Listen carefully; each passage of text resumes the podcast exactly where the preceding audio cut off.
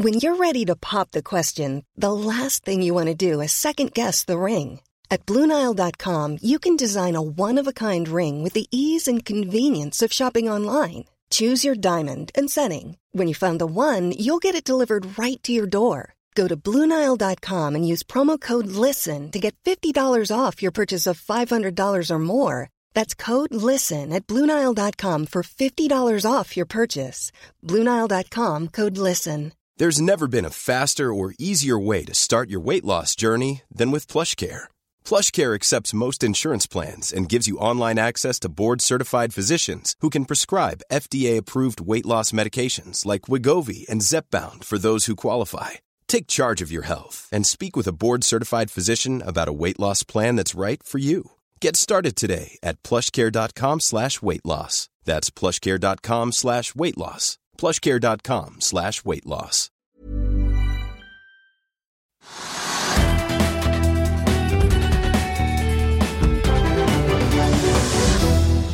Velkommen til Økonominyhetene. Det er blitt onsdag 19. april.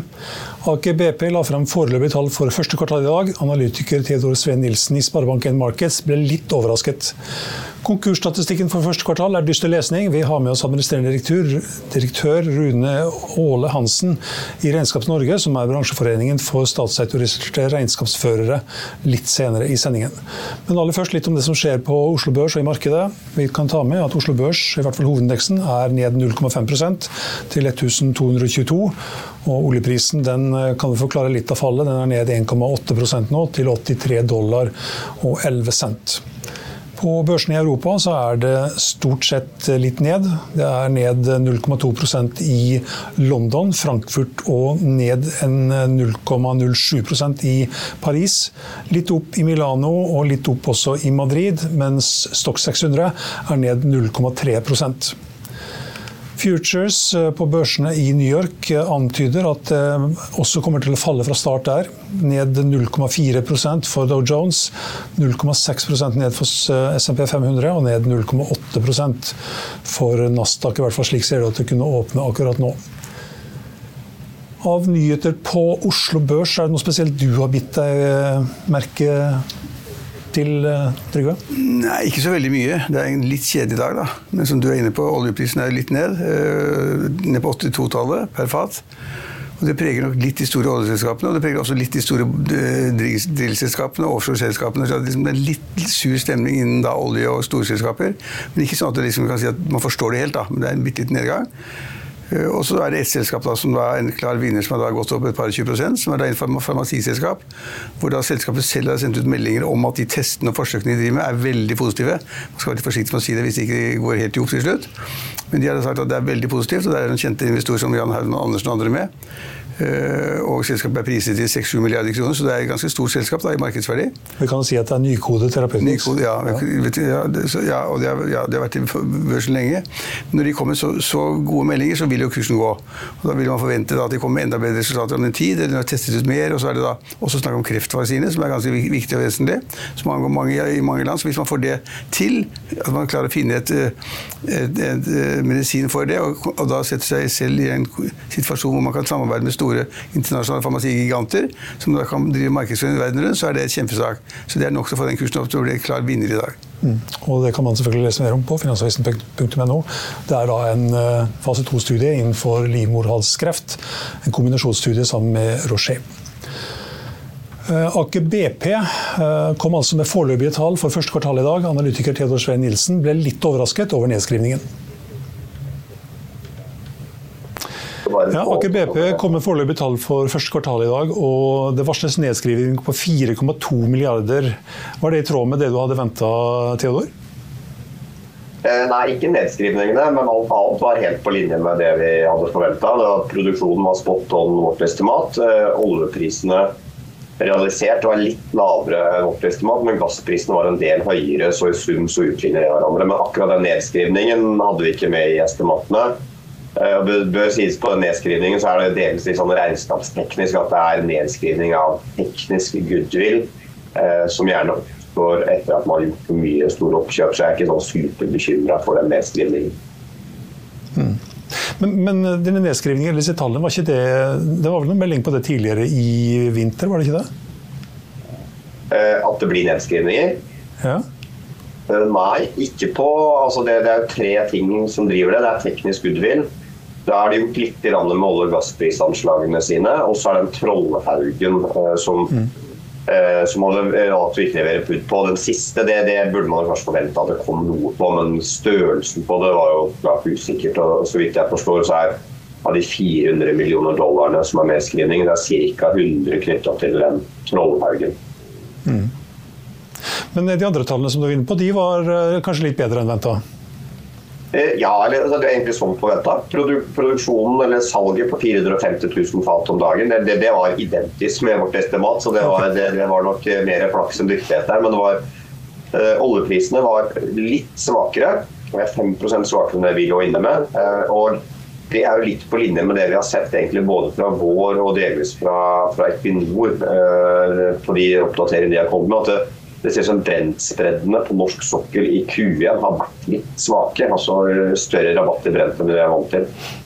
Um, og når det kommer til gasspris, som er, det er, gass er 15 av produksjonen til Aker BP. Gassprisene var kanonsterke. Den var 22 over uh, vårt anslag.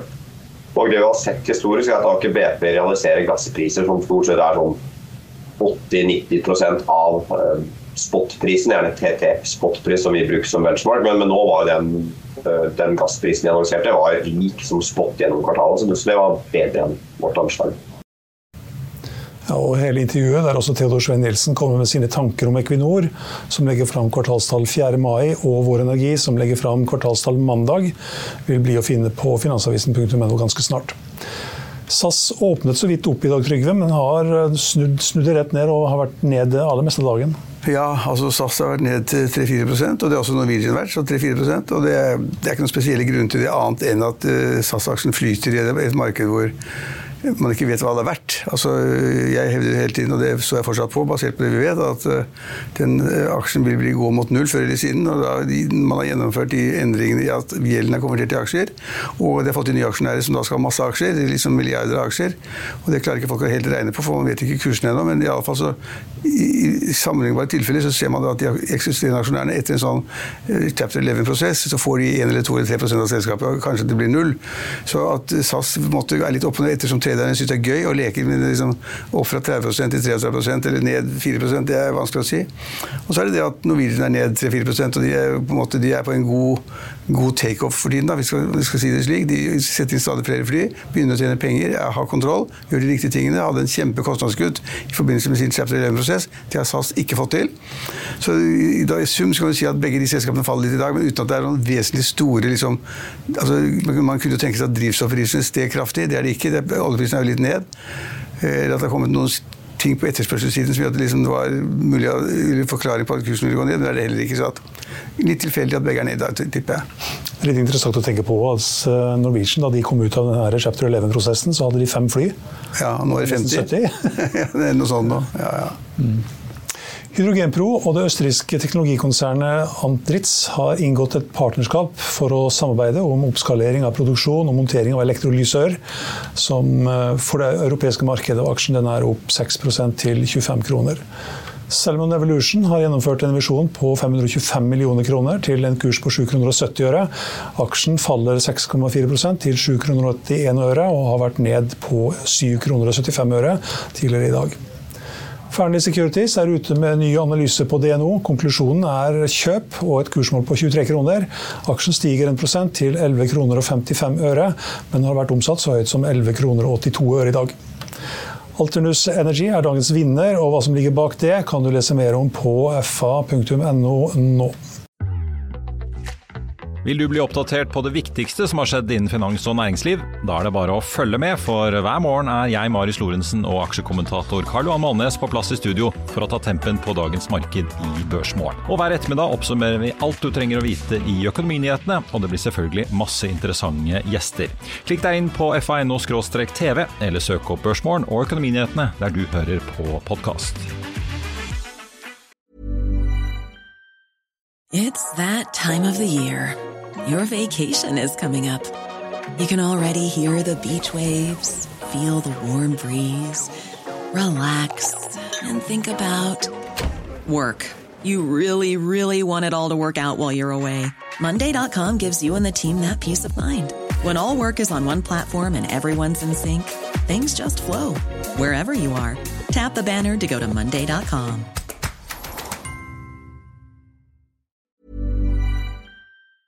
I'll see you in court. Vi sier det ofte litt på spøk, men for deg som driver business, er det aldri moro å innse at du ikke har laget en 100% gyldig kontrakt. Du bør ikke risikere hele firmaet ditt fordi du synes dette med kontrakter er litt stress. En avtale er ikke en avtale. Du kan miste kunder, miste venner, ja, til og med miste inntekter om du ikke lager en skikkelig kontrakt, på alt mulig, egentlig. Men vi vet det er et styr. Kopimaskiner, tregprinter og haugevis av papir. Dessuten stoler vi jo på folk her i landet. Det er ofte litt kleint å skulle be om en signatur for alt mulig, ja, for mye av styret handler også om jakten på underskriften. Det finnes en enkel måte å løse dette på, Dukkobit, en trygg, effektiv og get this, gratis måte å sikre seg en god natts søvn pluss en juridisk bindende avtale.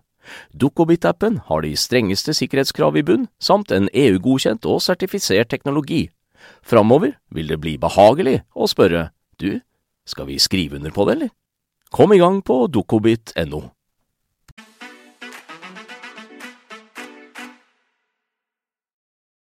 Vi må kanskje innom streiken litt i dag også, Trygve?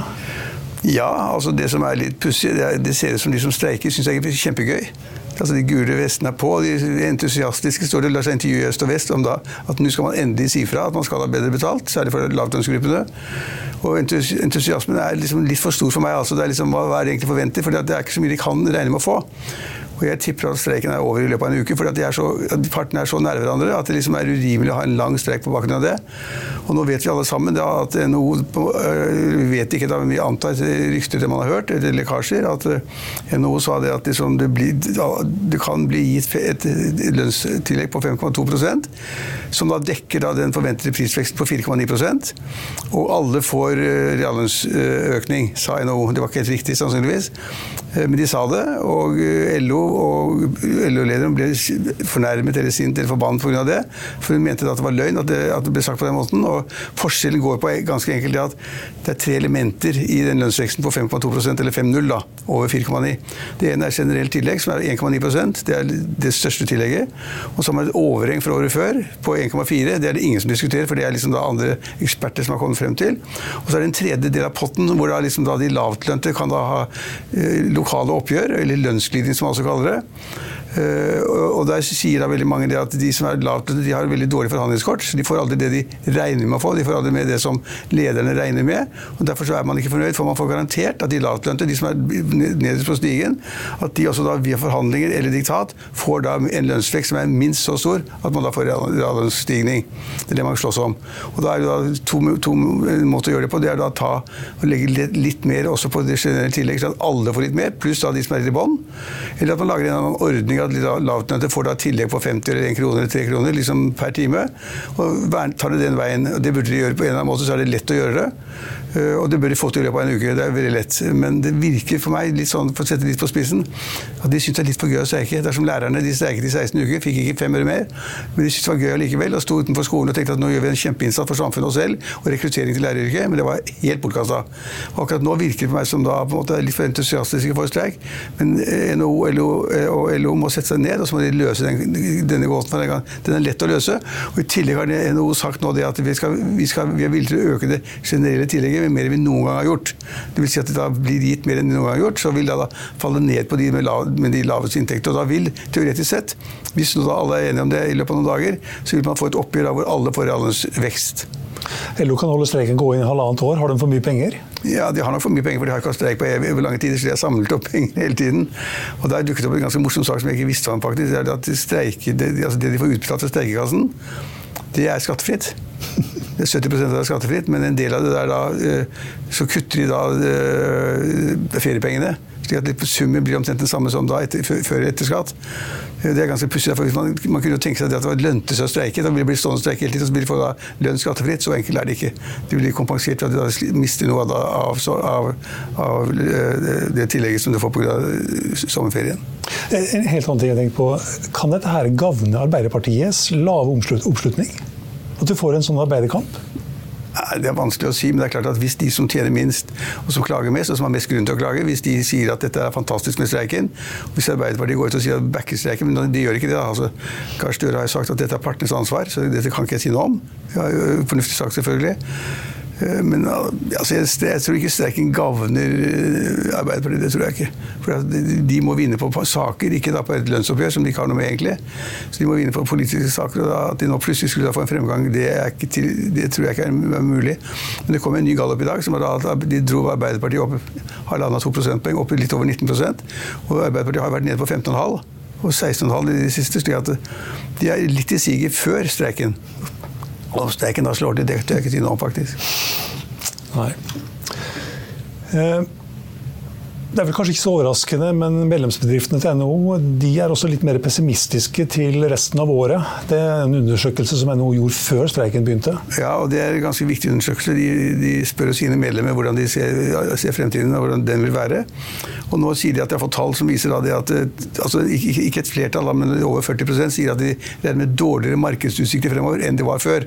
Og det er et mye høyere tall enn man hadde forrige gang man målte, og det er ikke bra. Eh, og jeg vil tippe det at nå etter at man har begynt å få streiken osv., som da mange bedrifter kommer til å slite, slite med, så vil enda flere da si at markedsutsiktene er dårligere. Så det, det, det, er på en måte et ganske dårlig signal man får fra NHO, som henter oss sine medlemmer, og det vil bli verre. Så det, det, er ikke bra i det hele tatt. Og jeg har sett flere selskaper i dag som har gått og sagt at hvis det blir flere streiker, hvis det er flere som tas ut nå, og nå er det tatt altså 25, og så skal det tas ut 15 000 til, så vi kommer opp i 40 000. Hvis det tas ut flere til streik nå, så vil de permittere og stenge ned umiddelbart. For det er den eneste måten bedriftene kan spare penger på, er å permittere med de reglene som gjelder for det, og gjøre det fort. Og særlig hvis jeg frykter at streiken skal vare lenge. Nå tømmer man jo butikkene for øl og brus og sjokolade. Eh, hvis man syns det er morsomt. Men altså, man gjør det, og det, det smitter jo opp på folk. Og da, da, da, da, vil de tallene man har fått nå, tror jeg, være, da vil de bli enda verre. Altså høyere, de som er misfornøyde eller tror at markedsutviklingen blir verre. Så det, så det er ikke noen gode tall vi fikk fra NHO der. Jeg så i butikken som jeg handler en del i, der var det rasjonering på Farris og Cola. Fikk lov å kjøpe fire flasker. Altså, jeg, jeg, er i dag sånn, jeg sånn kyniker, så jeg tenker at det, man kan ikke drive og streike for så små forskjeller som jeg begynte med. Eh, og da vil de få en orden på dette i løpet av en uke eller to. Det tror jeg fortsatt. Og det, det er ikke kommet noen signaler fra noen som tyder på at liksom, dette blir et langsiktig streik. Men det er klart, hvis man spør partene, hvis man spør LO vil det bli en lang streik, så kan de si ja, vi har så mye penger som du kan tenke oss. Og da sier man ja, selvfølgelig, det, det kan man risikere, men jeg tror ikke det er det de går for. Altså Hvis LO-lederen får innfridd sitt krav om, da, om reallønnsvekst for alle, så må de legge det streikevåpenet. Kan ikke streike for gøy heller. Uh. Det er ikke så gøy eh, nyboligsalgstallene som kom i dag heller. Det var det dårligste siden 1999, tror jeg. ja, men nå, ja, nå det, det kom mange rare tall i dag, og det kom da tallene for nyboligsalg. og Det, det visste vi da vi snakket om mange ganger. Vi har skrevet om det mange ganger også, løpende. At, eh, for vi snakker med entreprenørene, vi snakker med meglerne. Og det signalene vi fikk hele tiden, har fått til nå, er jo da det at nyboligsalget faller som en sten. Og det Nyboligsalget er ganske interessant. for det er, det er, slik at De som bygger, de setter ikke i gang byggingen før de har fått 50 av leilighetene solgt eller huset solgt. Eh, og det er færre og færre som da vil tegne en kontrakt. og da Nyboligsalget har da falt av med 45% fra mars i fjor til mars nå. Det er veldig mye. Det er absolutt veldig mye, og det vil slå ut i prisene, tipper jeg, men det kan jeg ikke helt eksakt. Men vi vil slå ut i prisene sånn at vi kommer ut i 25-26 så lang tid tar det å planlegge og bygge osv. Stopper jeg alt salget opp nå, så må det gå en tid, og så må kanskje de tørre sette i gang igjen og tro at de tjener penger, entreprenørene. Og da tar det tid før det er bygget ferdig, før det kan bli solgt. Så det er veldig dårlig tall. Men det kom enda verre tall som ikke kom seg godt frem, syns jeg. En ting var da nyboligsalget, men det andre er det prosjektet som er i ferd med å bli satt i gang. Det, faller, det er falt 70-80 så det er liksom da Sammenlignet med et år tilbake, så er det da på en måte ingen satt på spissen, da, ingen som gidder sette i gang noe som helst. Det er veldig dårlig nytt for eiendomsmarkedet, særlig de byene hvor man har hatt prispress, for da ville prisene gå enda mer opp. Hvis, som jeg tror, at du får da en setback i 25-26. Du, ja, det var mye negativt. Stedet, men... ja, du sier at det er mange tall og mange, mye negativt, men vi er ikke helt ferdig riktig ennå. Dagens gjest, eh, administrerende direktør Rune Åle Hansen i Regnskap Norge, som er bransjeforeningen for statssektoriserte revisor, unnskyld, regnskapsførere. Han har enda dårligere tall, kanskje. Velkommen, Rune. Takk for det. Jeg må beklage, jeg har jo dårlige tall, jeg også. Eh, og tallene er jo, det er konkurstallene vi snakker om. Eh, og tallene viser for første kvartal 2023 øker konkursene med nesten 40% sammenlignet med kvartalet året før. Og I tillegg så ser vi at konkurstallene for hele 2022 er jo opp 14% sammenlignet med året før der igjen. Så skal det nok eh, sies at etter pandemien så var det mange virksomheter som ble kunstig holdt litt i live. Det ser vi nok. Så noe av det ble nok tatt ut i de konkurstallene vi så i 2022, tenker jeg spesielt. Men når vi nå får sånn kraftig økning i 2022, 2023, så er vi bekymret i Regnskap Norge. Og det er litt fordi vi ser eh, økte kostnader for bedriftene på en god rekke områder. Eh, og det er særlig i høst hvor det kom økte skattekostnader, økte formuesskatt, utbytteskatt, økt arbeidsgiveravgift. Det er noen fortsatt som sliter med å betale tilbake eh, forsinkelsesrente på kompensasjon som de fikk under pandemien. Det akkumulerte seg den gangen til en kostnad på en halv milliard for småbedriftene. Dette skal nå betales. Og på toppen av dette her så er det jo strømstøtten, strømprisene som vi jo snakker om. Strømprisene går jo fortsatt opp og ned. Eh, det blir innført en strømstøtte, og der var jo et vilkår at man ikke skulle få lov til å betale utbytte i år hvis, eh, hvis man fikk strømstøtte. Eh, og hvis man da har økt formuesskatt og kanskje må betale ta ut utbytte for å betale den økte formuesskatten, men ikke får lov fordi man har fått strømstøtte, så er dette her en ganske ugrei situasjon. Men du Unnskyld øh, Jo, jo, kom nei, nei, men altså, Antall konkurser øker med 14% eller sånn. Mm. Men, men, det er antall konkurser. Det er liksom ikke summen av noen balanse eller tyngde eller større. Det kan være masse småbedrifter. Da. Butikker på hjørnet osv. Ja. Ja, er det det?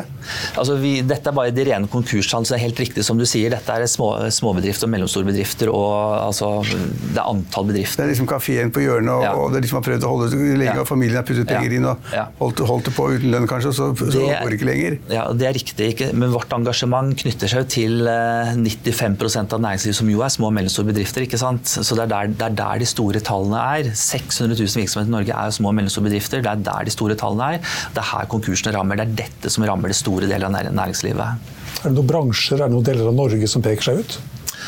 På de siste konkurstallene så er eh, alle deler av landet rammet.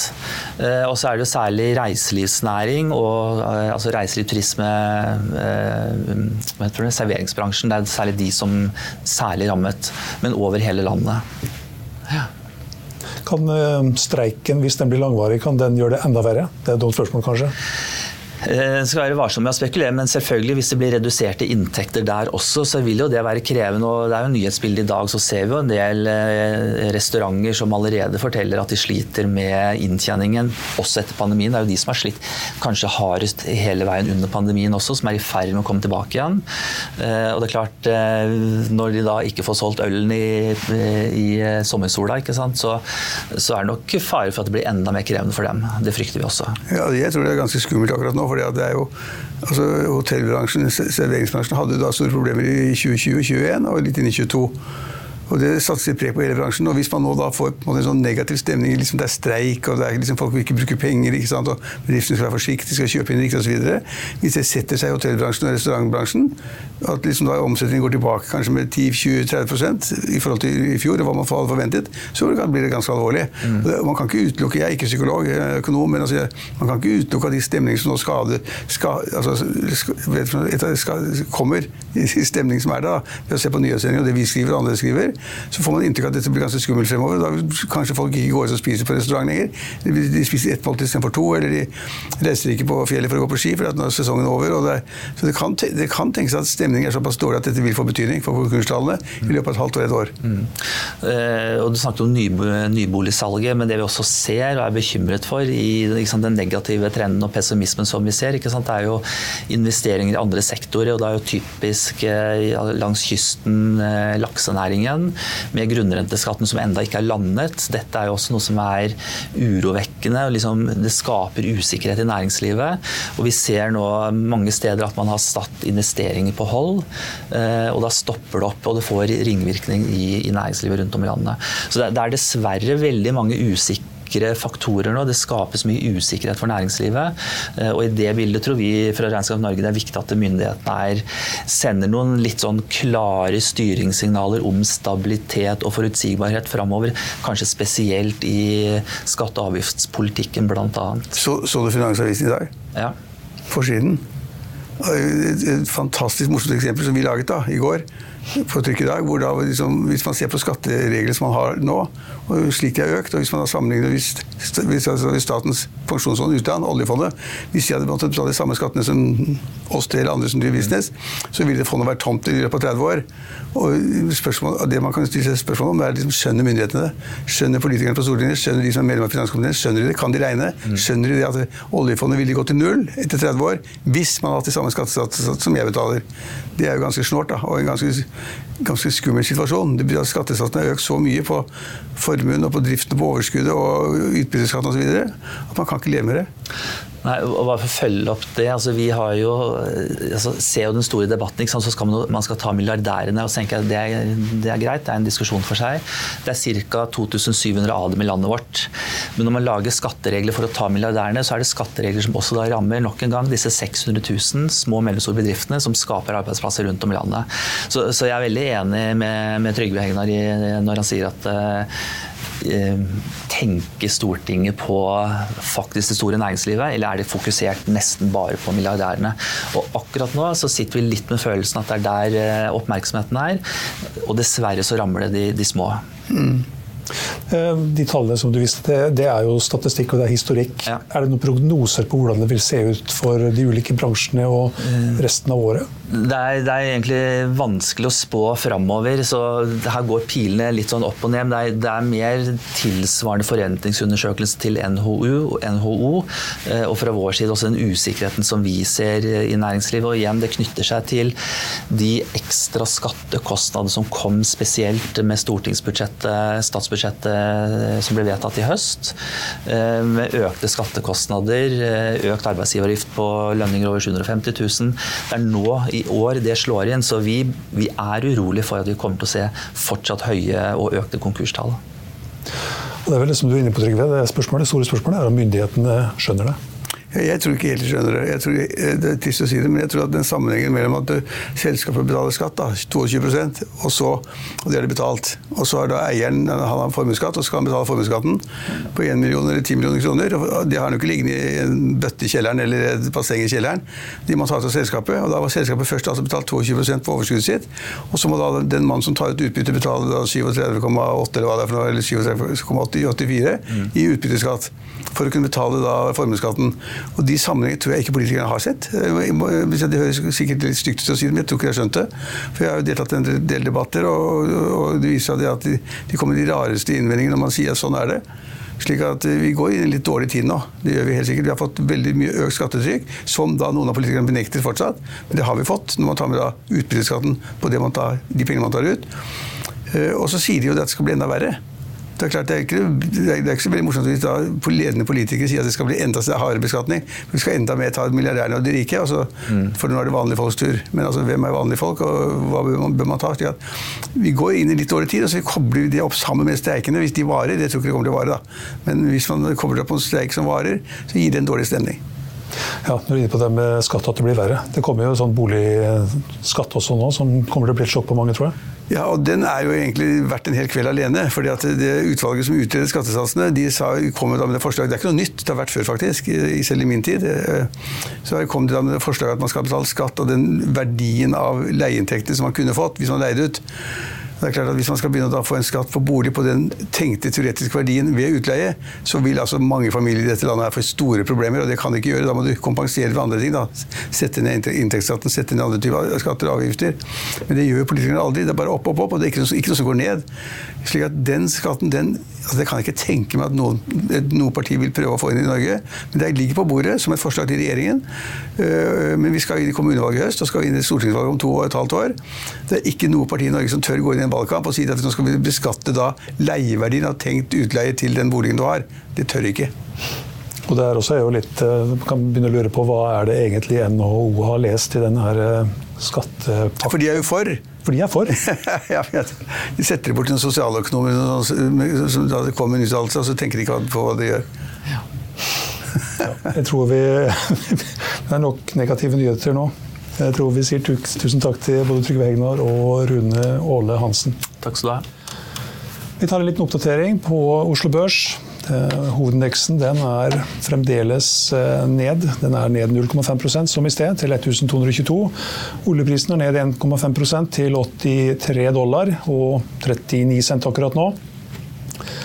Det er ingen store endringer på børsene i Europa. Det er eh, stort sett ned 0,2 til ja, 0,3% Også da en liten oppgang i Paris nå, og også en liten oppgang i Milano og Madrid. Og på børsene i New York der ligger det an til å åpne ned. Dow Jones ned 0,4 SMP ventes å åpne ned 0,7% og Nasdaq ventes å åpne ned 0,9 det var økonominyhetene her på Finansavisen på denne onsdag 19. april. Vi er tilbake igjen i morgen her med Børsmorgen klokken 8.55. Husk også at du får de siste nyhetene minutt for minutt på finansavisen.no. Mitt navn er Stein Ove Haugen. Tusen takk for at du så på og hørte på, og håper at du er med oss igjen i morgen også.